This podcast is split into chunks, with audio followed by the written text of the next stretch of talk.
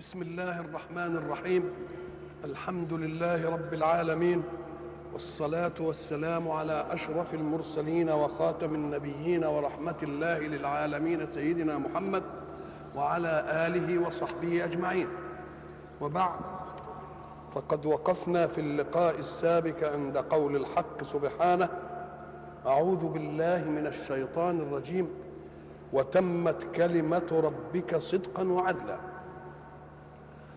وقلنا إن كلمة كلمة تطلق ويراد بها اللفظ المفرد وتطلق ويراد بها الكلام الكثير. وإحنا زمان كنا تعرضنا إلى كلمة كلمة وكلمة كلام. فقلنا إن الكلمة في الأصل لفظ مفرد. يعني لا يكون معه لفظ آخر. ولكن يدل على معنى. فإذا كان المعنى غير مستقل بالفهم بل يريد ضميمة شيء إليه لنفهمه يبقى ده حرف. أنت تقول في.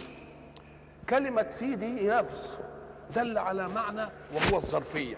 في يعني عرفت إن في دي إيه؟ ظرف. بس إيه في إيه؟ تقول الماء في الكوز يبقى كلمة في وإن دلت على معنى مستقل بالفهم هو الظرفية إلا أنه غير مستقل بالفهم. تبقى دلت على معنى غير مستقل بالفهم. المعنى أنها دلت على الظرفية. إنما ظرف إيه في إيه؟ لأن الظرف عايزين ظرف ومظروف فيه. طيب نقوم نيجي نقول الماء في الكوز يبقى في لوحدها تؤدي معنى إنما ما يستقلش بالفهم. من؟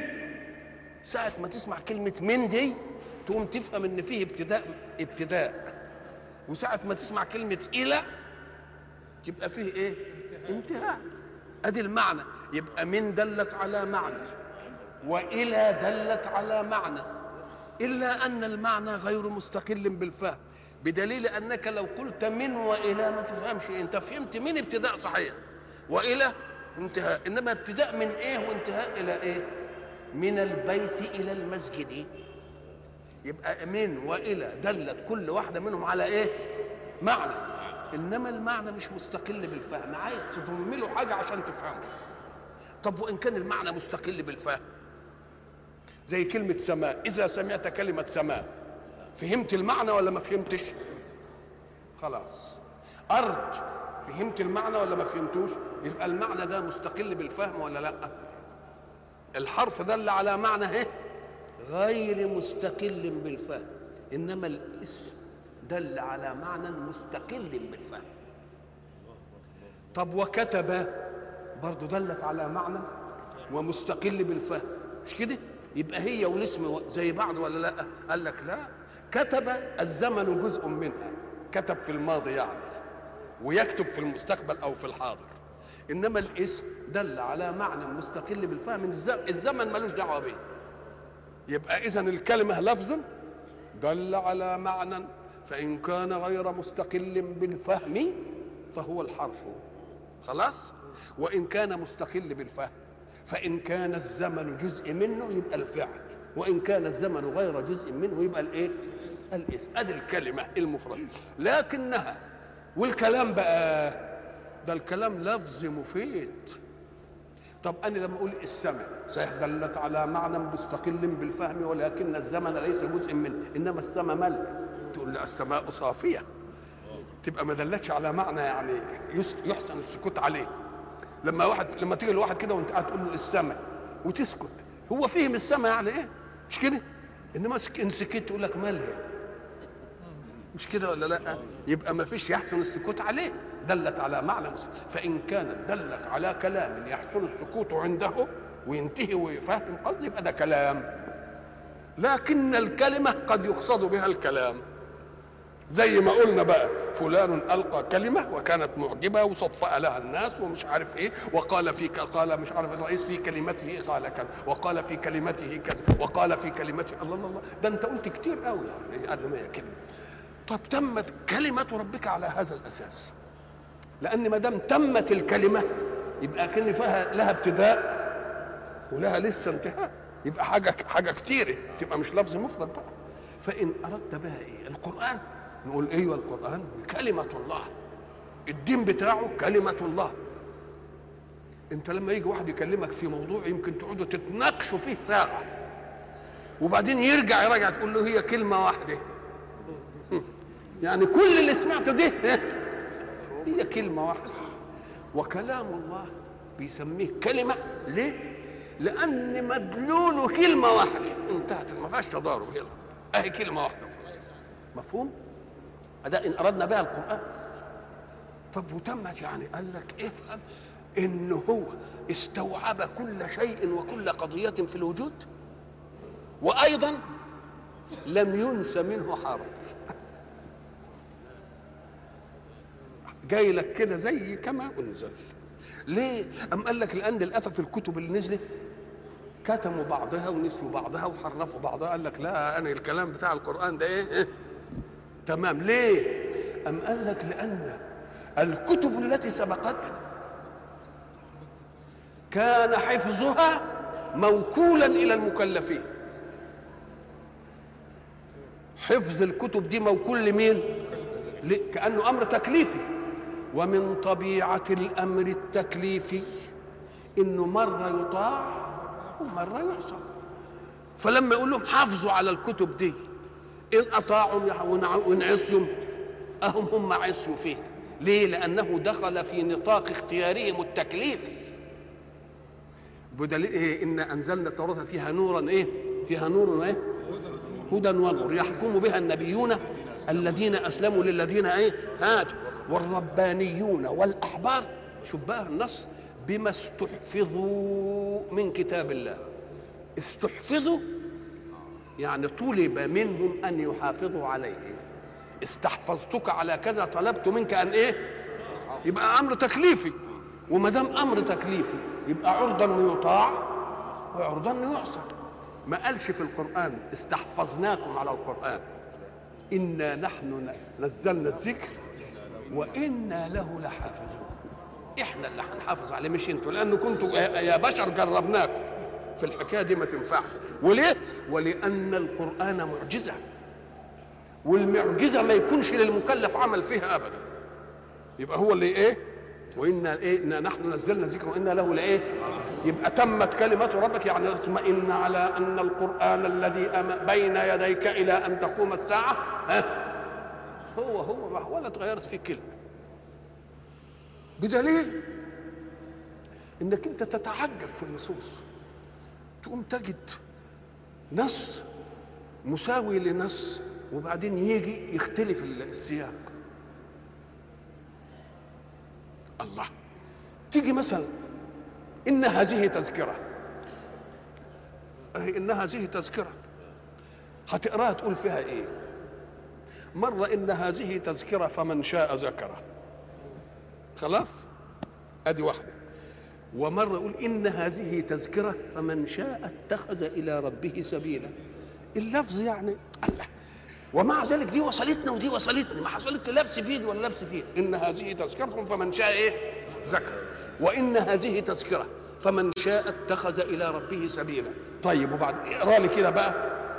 هتقراها تقول إن هذه تذكرة فمن شاء اتخذ إلى ربه سبيلا. وتقف. يا ترى هتقراها بتاع المزمل ولا بتاع إيه؟ إن كنت هتقراها بتاع المزمل إن ربك يعلم أنك تقوم أدنى من ثلثي الليل ونصفه وثلثه. مش كده؟ طب إن إيه طيب إيه؟ إن هذه تذكرة فمن شاء اتخذ إلى ربه سبيلا. هل تقرأها في سورة الدهر؟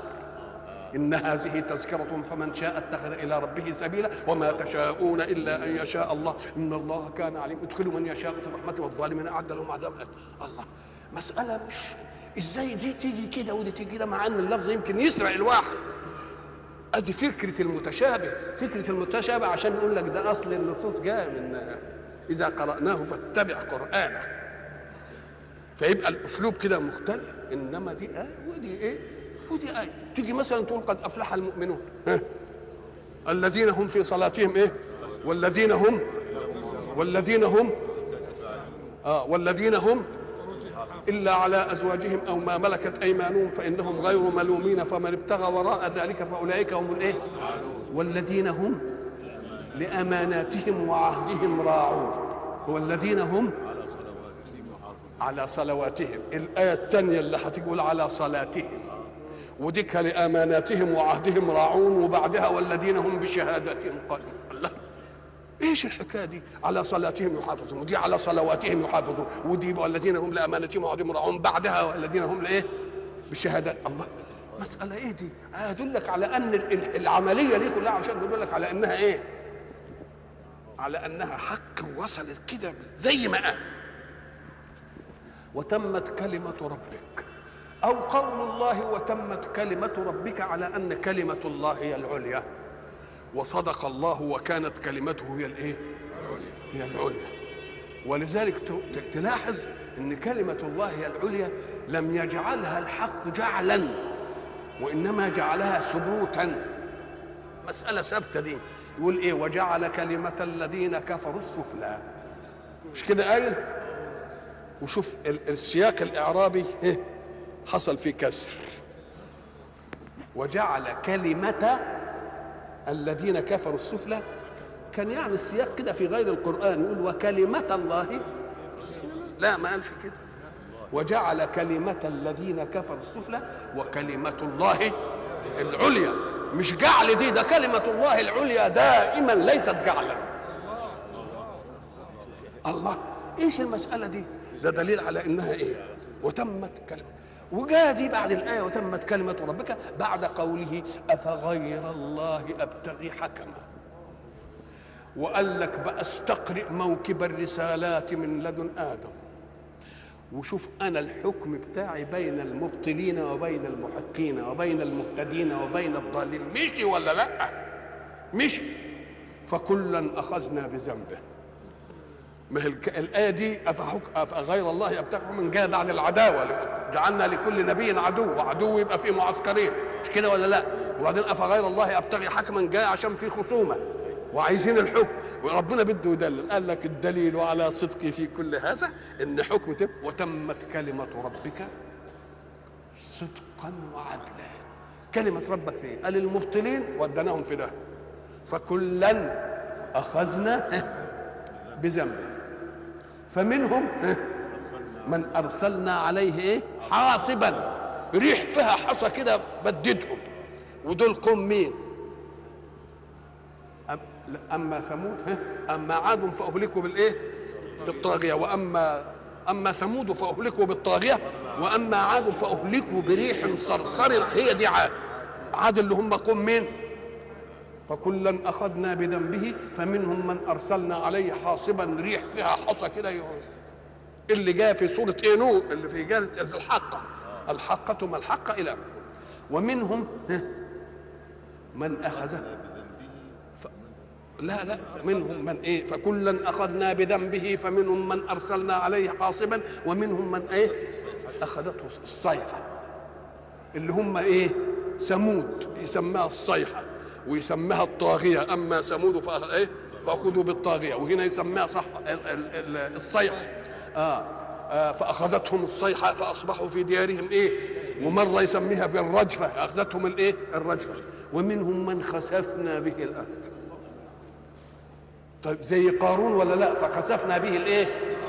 وقوم لوط. عليها إيه سافلة. ومنهم من أغرقنا.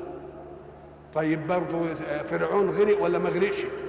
وقوم وجماعة المكذبين لنوح غرقوا ولا إيه؟ اذا كل واحد إحنا حكمنا الحكم الفصل. بس أنت مختلف عنهم لأن كثير من أحكامنا إنما جاء وبقية الحكم يجيء لأن كان زمان السماء هي اللي بتدخل وتعاقب عشان تنسف اللي كفر. لكن أمة محمد أصبحت مأمونة على الوصية على المنهج. وربنا قال وما كنا معذبين حتى نبعث رسولا. ولما بعث رسولنا اللي هو رسول الله صلى الله عليه وسلم قال له بس إيه؟ إحنا مش هنعذبهم لأنك فيهم. لأنك إيه؟ وما وما كان الله ليعذبهم وأنت إيه؟ وأنت فيهم. وتمت كلمة ربك تبقى الكلمة المقصودة هي الفصل النهائي. ولقد إيه؟ سبقت كلمتنا لعبادنا الايه؟ المرسلين. انهم لهم الايه؟ المنصورون. وان جندنا آه شوف بقى شوف بقى دقة الأداء. سبقت كلمتنا لعبادنا المرسلين. أدي كلمة. انهم لهم الايه؟ المنصورون. بس لاحظوا مش منصورين كده بالبكش. تكونوا جندنا بقى. تكونوا إيه؟ مش منكم منسوبين وبقيتوا بقى مسلمين ومش عارف إيه. لا إن خالفتم إيه؟ وإن جندنا لهم الإيه؟ إن تنصروا الله إيه؟ ينصركم خلاص؟ آه لأنصرن إيه, إيه؟ لأغلبن أنا ورسلي. أغلبن أنا ورسلي. وتمت كلمة ربك. طيب أتمت الكلمة صدقا وعدلا. صدقا يعني أن ما أخبرت به وقع. ليه؟ لأن لما نكون المراد بالكلمة الكلام والكلام نسبة كلامية تطلع من من الفم. لها نسبة خارجية واقع. لكن الواقع إن كان قبل أن تتكلم نقول لك نقول لك أنت صادق إن كان الكلام مناسب للي حصل. وإن كان مش مناسب له ومش موافق نقول أنت البعيد إيه؟ كذاب. تقول مثلا زارني فلان بالأمس. نقول لك إمتى يا أخويا؟ ساعة كان عندي الساعة خمسة. إذا كان كان الساعة خمسة كان عندنا. يبقى باين إنه كذب ولا لأ؟ نقول له كذبت لأن كلامه ما, ما, ما وافقش الإيه؟ الواقع. ده إن كانت النسبة وقعت قبل ما تتكلم.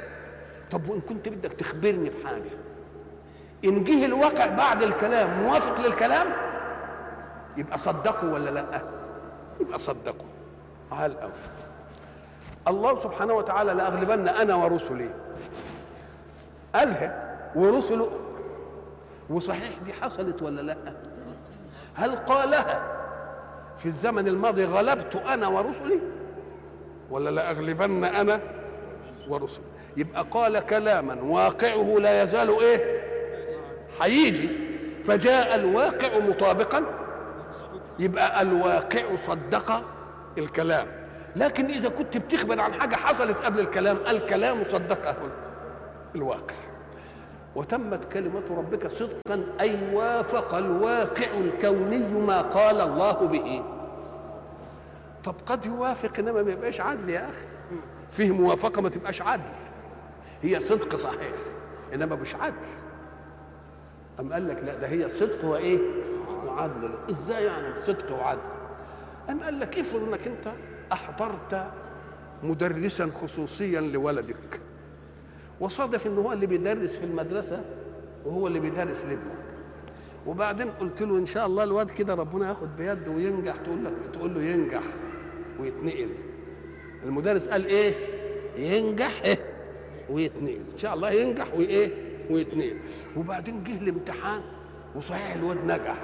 يبقى تمت كلمة المدرس صدق ولا لأ؟ قال ينجح والواد إيه؟ نجح. إنما أهو عدل أم غير عدل؟ أدي الكلام. طب ما يمكن هو اللي وضع الأسئلة وكده لمح له بالأسئلة مش عادل. هي صدق ولكنها ليست عدلا.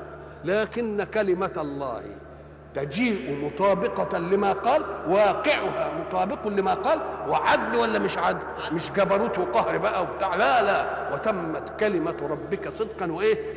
وعدلا. ليه؟ قال لك لأن لا مبدلة لكلمات الله. ما فيش إله تاني هيعارض ويقول لك لا دي تنفع كذا ودي تيجي كذا. اللي قاله هو اللي قاله خلاص.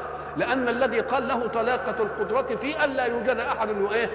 يعارض. ولذلك قلنا المستقبل بالنسبة لله. مستقبل بالنسبة لنا هو اللي صحيح ما نقدرش نحكم به إنما المستقبل بالنسبة لله يحكم به ولا ما يحكمش؟ مش كده؟ لما قال سيهزم الج... ما قالش يهزم الجمع. سا. سيهزم ده يبقى لسه في إيه؟ في مدة. معنى السين دي تبقى تدي مدة بس قريبة. وسوف تدي مدة بس بإيه؟ فسوف يأتي الله بقوم يحبهم ويحبونه. إنما سيهزم الجمع. طب الكلمة الايه دي نزلت. والصحابة لا يقدرون على حماية أنفسهم. ولذلك قلنا إن سيدنا عمر ساعة ما سمع الآية قال أي جمع هذا؟ إحنا قادرين نحمي نفسنا يبقى تمت كلمة ربك وهزموا في بدر ولا لأ؟ وسنسمه على الخرطوم اتحققت ولا لأ؟ تبقى صدق وإيه؟ صدقا وإيه يبقى المستقبل هو مستقبل عندنا لأننا لا نملك طلاقة قدرة كما يملكها الله. نقول يمكن ما يحصلش. نقول يمكن إيه؟ ما يحصلش. ولذلك الله علم عباده احتياط الصدق في كلمتهم فقال ولا تقولن لشيء إني فاعل ذلك غدا.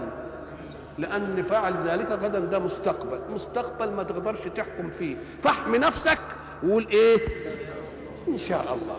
لا إن ما حصلش تقول ربنا ما شاءش. يبقى حمى الإنسان أن يكون كاذبا ولا لأ؟ وجعل الإنسان صادقا يتكلم على وفق ما عنده من إيه؟ من قوانين الفعل وعدم الفعل. لأن لما تقول أفعل ذلك غدا. طيب إيه إيه تفعل إيه غدا يا سيدي؟ سأقابل فلانا غدا لأكلمه في الأمر الفلاني. نقول له يا سلام كأنك ضمنت وجودك غدا. أنت لا تضمنه نفسك. يبقى أدي عنصر ضاع منك. طب واللي هتقابله ضمنت أن يكون موجود؟ يبقى أدي عنصر تاني برضه ما تملكوش. طب السبب اللي أنت من أجله هتروح له أنت ضامن إنه ما يتغيرش؟ يجي لك واحد يقول لك أنت كنت هتقابل فلان ليه؟ تقول له عشان كذا وكذا. يقول له انتهت المسألة ما نقابلوش خلاص؟ طيب افرض كل دي موجود وبعد ذلك جاء شوية مرض. الله. تبقى أنت عناصر الفعل كلها ما تملكهاش. تقول إزاي سأفعل؟ لكن الله إذا قال سأفعل. تبقى طلاقة قدرته تبقى حق. ولذلك اذكروا أننا عند قوله سبحانه وتعالى أعوذ بالله من الشيطان الرجيم. أتى أمر الله. اذكروها أتى أمر الله. أتى يعني فعل ماضي يعني جه خلاص. فلا تستعجلوه. الله. طب ده كلمة فلا تستعجلوه يدل على أنه لم يأتي. يبقى أتى ولا تستعجلوه؟ لا ده هي المعنى سيأتي أمر الله. بس ما تتعجلوش لأنه له أوان وله ميلاد طب ليه جاب سب يأتي وسيأتي وقال أتى؟ قال لك إذا قال هو سيأتي ما فيش حد يقول لا ما يجيش يبقى أتى. احكم بأنه أتى. خلاص انتهت المسألة. يبقى إذا بالنسبة لله ما فيش إيه؟ مستقبل ولا أي حاجة. وتمت كلمة ربك صدقا وإيه؟ وعدلا. لا مبدل لكلمات الله. لا مبدل لكلماته وهو السميع العليم. الله. لأن ما دام من الكلمات هتتحقق والحكم هيصدر يبقى الحكم ده هيصدر إيه؟ لأنه سامع لما قالوه في عداوتهم وعليم بما دبروه في الإيه؟ لأن هناك قال يوحون إلى اوليائهم ويوحون يعني أعلمهم بإيه؟ بخفاء. فإن كان كلام ظاهر يبقى مسموع وإن كان بخفاء يبقى إيه؟ يبقى معلوم. وهو السميع العليم. وإن تطع أكثر من في الأرض يضلوك عن سبيل الله. وإن تطع أكثر من في الأرض يضلوك عن سبيل من في الأرض طبعا المكلفين لأنهم هم اللي لهم أوامر. لأن ما دون الإنسان لا أمر له على غيره. وإن تطع أكثر من كلمة أكثر مش ضروري تفيد إن اللي مقابله قليل. لأن ما دام أكثر ويمكن الباقيين كتير برضه بس ده إيه أكثر؟ يبقى قريبة ولا مش قريبة؟ ويمكن ده أكثر وده أكثر. بس أكثر بتديله كميته في ذاته مش منسوبة إلى غيره يقول لك كتير. ولذلك كنا نسمع يقول لك إيه ده مكتوب على محطة مصر أو على المطار أو على الميني يا داخل مصر منك إيه؟ كتير. يا داخل مصر منك كتير يعني إن كنت راجل طيب هتلاقي. وإن كنت راجل بقى شرير ولا بتاع برضه هتلاقي. هل يقصدوا إن ده كتير وده قليل ولا هتلاقي كده كتير وكده؟ ولذلك هناك ولله يسجد من في السماوات وإيه؟ والأرض. الشمس. إيه؟ من في السماوات والشمس والقمر والنجوم والجبال والشجر والدواب. كل دي بالإجماع. لأنها خاضعة مقهورة مسخرة. خلاص؟ طب وعند الناس؟ انقسمت. لأن لهم اختيار. في ناس وافقوا الطاعة وناس راحوا للمعصية. ما قالش والناس قال وكثير من الناس. كان المفروض إنه يقول وقليل حق عليه العذاب. قال لا وكثير من الناس وكثير حق عليه العذاب. يبقى دول كتير وإيه؟ يبقى إن نظرت لهم في ذاتهم فهم كتير. والتانيين برضه تنظر إليهم تلاقيهم إيه؟ كتير. ليه بقى إن تطع أكثر من الأرض يضلوك عن سبيل الله؟ ليه؟ أم قال لك لأن ما معنى الطاعة؟ الطاعة استجابة الأمر فافعل. والنهي فيه لا تفعل. يبقى فيه افعل ولا؟ إذا قال لك إنسان افعل كذا يبقى أنت صالح أن لا تفعل. وإن قال لك لا تفعل أنت صالح أن تفعل. لأن إن كان في شيء ما تقدرش تعمله هيقول لك إيه؟ اعمله. يبقى إذا ما دام يقول افعل يبقى أنا صالح أن لا؟ أفعل. وإن قال لا تفعل يبقى أنا صالح أن إيه؟ أن أفعل. والإنسان عادة حين يأمر أو ينهى إنما يأمر أولا وينهى لاتباع مصلحته. فإن لم يوجد أمام مصلحة معارض من منهج إلهي يبقى تبع مصلحته ولا لا؟ تبع مصلحته. فالحق سبحانه وتعالى يقول من رحمتي أن جعلت لكم تشريعا. لأننا لو تركنا الناس إلى أهوائهم فسيأمر كل واحد من الناس بما يوافق هواه وسينهى كل واحد من الناس بما يخالفه هواه. يبقى نعصم الحكاية دي وحنتضارب. هوايا هيجي ضد هواك. هنتضارب ولا ما نتضاربش؟ يبقى من مصلحة الخلق أن يوجد إيه؟ أن يوجد مطاع واحد لا هوى له. ويوجد منهج يقول للجميع افعلوا كذا ولا تفعلوا كذا. لأن الجميع حين يقول افعلوا كذا ولا تفعلوا كذا فسيأتي الاستطراق لنفعهم جميعا. زي ما قلنا زمان إذا قال لي لا تسرق هو بيقولها لي لوحدي يبقى حرم علي إن أنا أسرق من جيب ده ومن جيب ده. وحرم على الناس جميعا أن يسرقوا مني. يبقى حمى الناس من فرد ولكنه حمى الفرد من جماعة. يبقى المنهج إنه يبقى في صالح مين؟ يبقى في صالح كل واحد. لكن لما يجي أهل الأرض بقى كل واحد يمسك هواه هيأمر باللي يحقق له مصلحة. وينهى عما يجي عما يأتي بله إيه؟ عما يأتي له ضر يبقى من حكمة الله إنه لازم يجيب إيه؟ إنه لازم يجيب منهج. فإن ترك الناس بلا منهج أم قال لك طب إيه وإن تطع أكثر من في الأرض يبقى برضه فيه ناس برضه قال لك آه اللي فطرتهم سليمة بطبيعتهم. يبقى اذا الخير له فطرة. يبقى التشريع جاي. عشان إيه؟ ينمي في صاحب الفطرة السليمة فطرته أو يؤكدها له. ويعدل في صاحب الفطرة السيئة لتكون إيه؟ لتكون فطرة إيه؟ حسنة. وإن تطع أكثر من في الأرض يضلوك عن سبيل الله. ليه؟ إن يتبعون الا لأن ما بيتبعوش إلا الظن.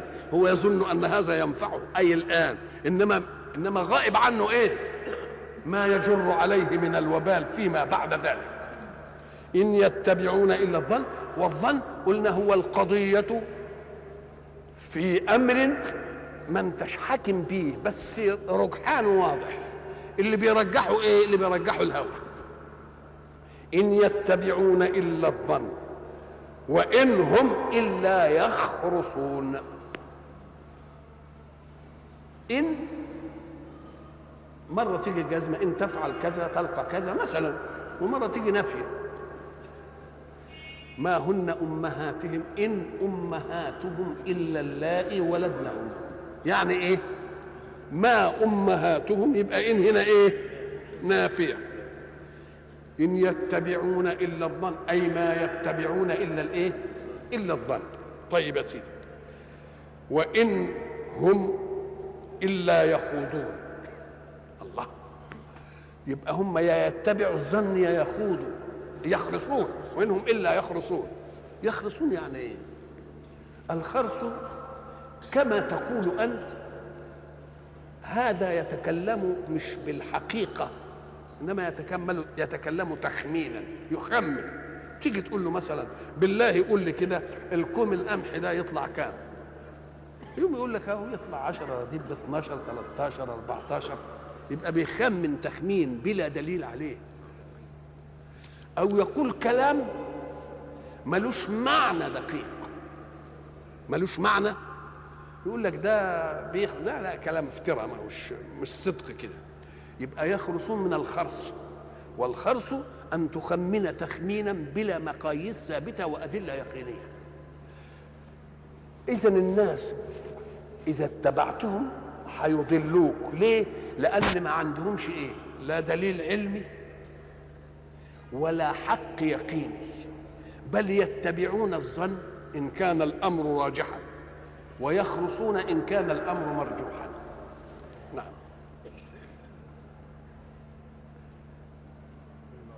إن ربك هو أعلم من يضل عن سبيله وهو أعلم بالمهتدين.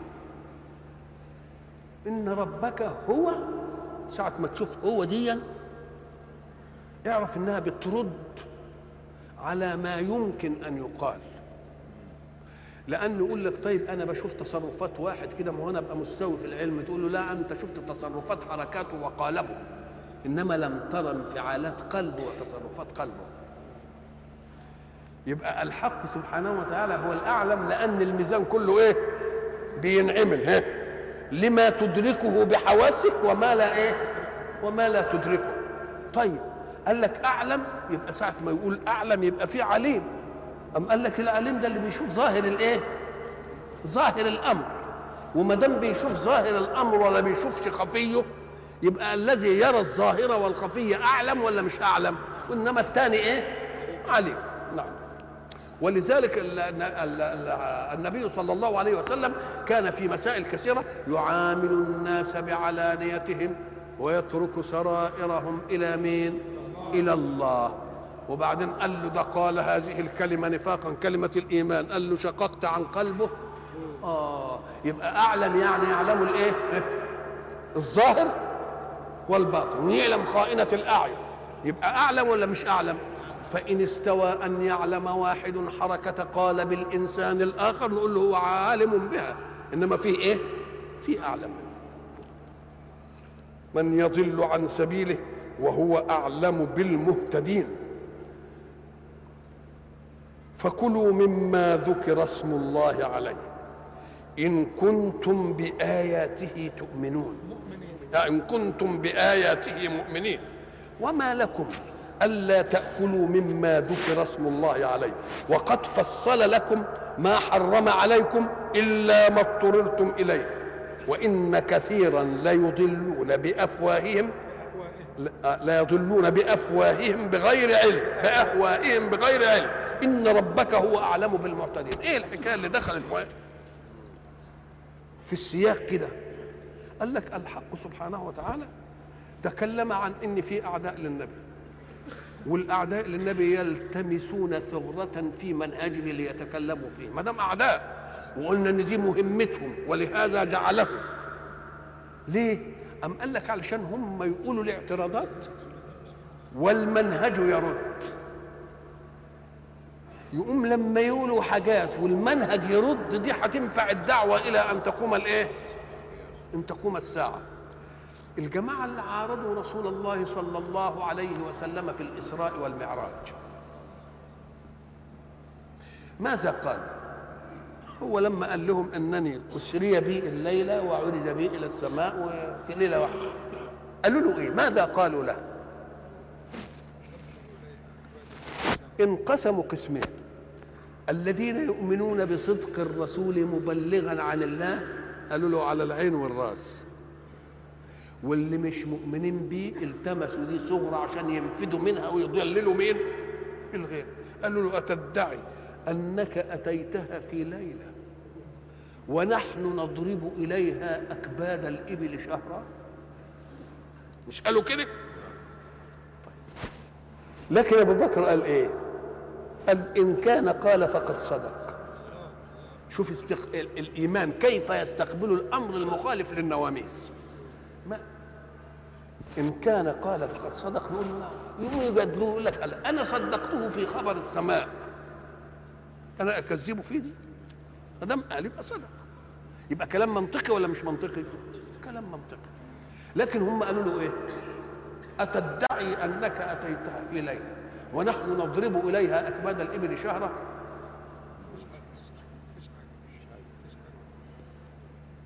فادالهم الأمارات والعير اللي في الطريق وقالوا وصفوا ووصفوا ومش عارف إيه وبتاع و... وبعدين ديا خلتنا ناخد منها حجة إلى يوم القيامة. لو مرت كده بسكوت من غير ما حد يعترض من الأعداء يمكن كنا زي ما سمعنا دلوقتي إيه الكلام ده؟ بقى معقول إنه راح وجه في ليلة ومش عارف إيه؟ ده حلم زي ما بيقولوا دلوقتي. بيقولوا إنه إيه؟ ده رؤيا حلم. لو لم يقولوا هم هذا ما كنا عرفنا الرد. إنما هم قالوها علشان نعرف الإيه؟ الرد. ويظل الرد إيه؟ ردا راجعا إلى أن تقوم الساعة. يبقى دي المهمة جعل الآية جعل الأعداء. إزاي بقى؟ أم قال لك لأن لو أن قال لهم إنني حلمت إنني رحت بيت المقدس أكان هناك واحد يعترض على أن واحد يحلم إنه راح أمريكا؟ هو حد لما يقول أنا حلمت حد يقول له لا كذاب. آه يبقى ما دام كذبوه وبيقولوا لا ده مش عارف إيه وتدعي ونحن يبقى دليل على أنهم فهموا من الذهاب إيه؟ ذهاب رؤيا ولا ذهاب قالب؟ لو كان ذهاب رؤيا ما كانوش قالوا له إيه؟ أتدعي أنك أتيتها في ليلة ونحن نضرب إليها أكباد الإبل في إيه؟ يبقى دي نفعتنا الآن ولا لا؟ لما يجي واحد يقول لنا لا ده كانت رؤيا. نقول له رؤيا ده المعاصرين ليه؟ إيه؟ قالوا كذا وكذا. فلو كانت رؤيا كانوا اعترضوا. هو واحد يقول أنا شفت حلم حد يقول له لا أنت كذبت فيه ولا ما كذبتش ده غاية ما هناك يقول له ابقى غط نفسك. مثلا. مش غاية ما بيها كده؟ الله. يبقى اذا وجود الأعداء يهيج ال- الفجوات اللي ممكن ترد على شبه. هذه الشبه تترد على المعاصر علشان تنفعنا في الرد على غير المعاصر.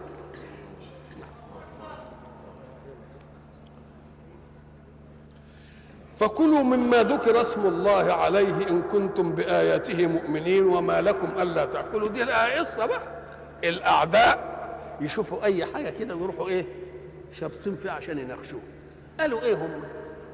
قالوا لهم يا أخي النبي يقول لكم إن الميت لا تأكلوا منها واللي تموتوه بإيدكم وتذبحوه كلوا منه. فاللي تموتوه أنتوا تاكلوه واللي يموتوا ربنا ما تاكلوش أنتوا أكثر من ربنا. أتأكلون ما قتلتم؟ ولا تأكلون ما قتل الله. أدي الشبهة اللي إيه؟ اللي قالوها. اولا دي مغالطة في الأساليب. لأن الميتة غير مقتولة. المذبوحة صحيح قتلناها وذبحناها. إنما هل الميتة مقتولة؟ يبقى حتى الاعتراض اللي بده نقش مناقشة فقهية أو علمية يبقى باطل. أنتوا بتقولوا أتأكلون ما تقتلون ولا تأكلون ما قتل الله؟ وهو ربنا قتلها؟ ده موت. وفرق بين الموت والقتل. إحنا كنا قلنا زمان الموت أخذ للحياة بدون سلب البنية. البنية زي ما هي. إنما القتل تسلب البنية اولا فتزهق الروح. هل اللي حاصل عندهم كده؟ مش اللي حاصل. يبقى نفس الاعتراض؟ ما هوش واقعي ما هوش حقيقي. ثم هل المشرع وهو الرب الأعلى بياخد الحكمة من نحن ولا الحكمة عنده هو؟ الحكمة عنده. وبعدين إيه تبين إيه دلوقتي؟ الناس اللي حتى مش مؤمنين ب ابتدوا يهتدوا إلى أن الميتة كل الفضلات الضارة فيه. ليه؟ أم قال لك لأن التكوين الجسم الإنسان والحيوان زيه بيتغذى الإنسان ثم ينهضم الغذاء يعني يتمثل زي ما بيقولوا وبعد ذلك يمتص وبعدين يتكون الإيه؟ الدم. وبعدين في أجهزة تصفي. الكلى مثلا بتصفي من ناحية السائلة اللي هي مش عارف الإيه وفي والدم ياخد الأخلاط دي ويمر على الرئة عشان ياخد أكسجين وبعدين يمر على مش عارف عشان يخلصها من الأجسام الضارة. أخ ال ال أوعية الدم في ال في, ال في الإنسان والحيوان فيها الدم الصالح والدم الفاسد. الدم الفاسد اللي لسه ما إيه ما تنقاش ما تكررش. فلما نيجي نذبح بننزل الدم ده وده. يبقى خل... تخلصنا من إيه؟ يعني ضحينا بالدم الصالح في سبيل وقايتنا من الدم الفاسد وبعدين اتصفت وبعدين ال... فلو انها ماتت كده يبقى إيه اللي الدمين الاثنين موجودين. يبقى فيه بقى فيها أشياء فضلات ما كان يجب أن يتخلص منها موجودة ولا مش موجودة. ده الكلام اللي إحنا بنقوله بالعقل. إنما هل أنا لي مع الحق سبحانه وتعالى تعقل في شيء إلا في توثيق الحكم منه؟ إنما هو ده كان جدلهم. أنتم أكل تأكلون ما قتلتم. ولا تأكلون ما قتل الله فأنتم إيه؟ عاملين نفسكم أحسن من مين؟ أحسن من الله. عادة اللي بتموت خلاص انتهى ما بنذكرش عليها اسم الله. لكن اللي اللي بنذبحها بنذكر عليها اسم مين؟ فكأن الحق سبحانه وتعالى بيقول إيه؟ فكلوا مما ذكر اسم الله عليه يعني غير الميتة. غير الإيه؟ يبقى الكلام في الميتة وغير إيه؟ الميتة وغير الايه غير الميتة. فكلوا مما ذكر عليه مما ذكر اسم الله عليه. إن كنتم بآياته مؤمنين لأن تلقي أي حكم من الحق ما بيبحث تعليله أولا ثم نؤمن به. إنما بنوثق أنه من الله الذي آمن به. فما دمنا مؤمنين بالإله نبقى ناخذ اللي قاله ولا لأ؟ ناخذ اللي قاله. مش نبحث في الحكم أولا وهو صح ولا مش صح. فإن كان صح نبقى آمنا به. يبقى أنت إن فعلت ذلك تبقى أنت ابن دليل الحكم. إنما هو مش عايزك كده. إحنا عايز أنت عايزك مؤمن. عايزك إيه؟ مؤمن. ولذلك حاجات كتيرة قوي إن حبيت تع- تع- تعرف حكمتها الأول تتعب. إلا إن كان عندك بقى بصيرة نافذة وتستطيع إنك أنت ت- إيه؟ تتصيد شيء يقربك من الحكم مثلا لما يجي يقول لنا بوس الحجر الأسود أو آه، سلم عليه كده. واحد يقول لك إحنا إحنا هنخرج من الحجر للحجر ما هم كانوا زمان أصنام ومش عارف إيه وبتاع وحاجات زي دي. نقول له لا الحجرية ملهاش قيمة هنا. المهم الأمر. سيدنا عمر قال أنت حجر لا تضر. ولا ولولا أني رأيت رسول الله يقبلك يبقى علة التقبيل إيه؟ فعل الرسول. مش بتنظر في المسألة في ذاتها. وإن حبيت إنك أنت تنظر- في المسألة في ذاتها. المسألة احترام آمر. أوامر آمر. والحجريه لا دخل لها. لأنه زي ما قال لي قبل ده أو استلمه أو أو إلى آخره قال لي ارجم الحجر ده. حجر بنقبله وحجر زي ما قلنا بنقنبله نضربه بالحصى ونعمل مش عارف. يبقى الحجرية لها قيمة عندي؟ ما لهاش ابدا قيمة. المهم الإيه؟ المهم الامن للأمر. فإذا كان الحق سبحانه وتعالى قال كلوا مما ذكر اسم الله عليه. ده أمر طبيعي. ليه؟ لأن هو بيخاطب مين؟ بيخاطب مؤمنين. والمؤمن حين يبتدئ بأي شيء بيبتدئ باسم الله ولا لأ؟ كل شيء بيبتدئ باسم مين؟ باسم الله. ليه؟ لأن إيه اللي سخر لك الجمل الكبير ده عشان تقعد تذبح فيه؟ ده هو. سبحانه جلت قدرته. يبقى لازم تيجي عند اللي حلل لك ده هو إنك أنت إيه؟ تذكر لأنه هو الذي سخر والى لقاء آخر إن شاء الله.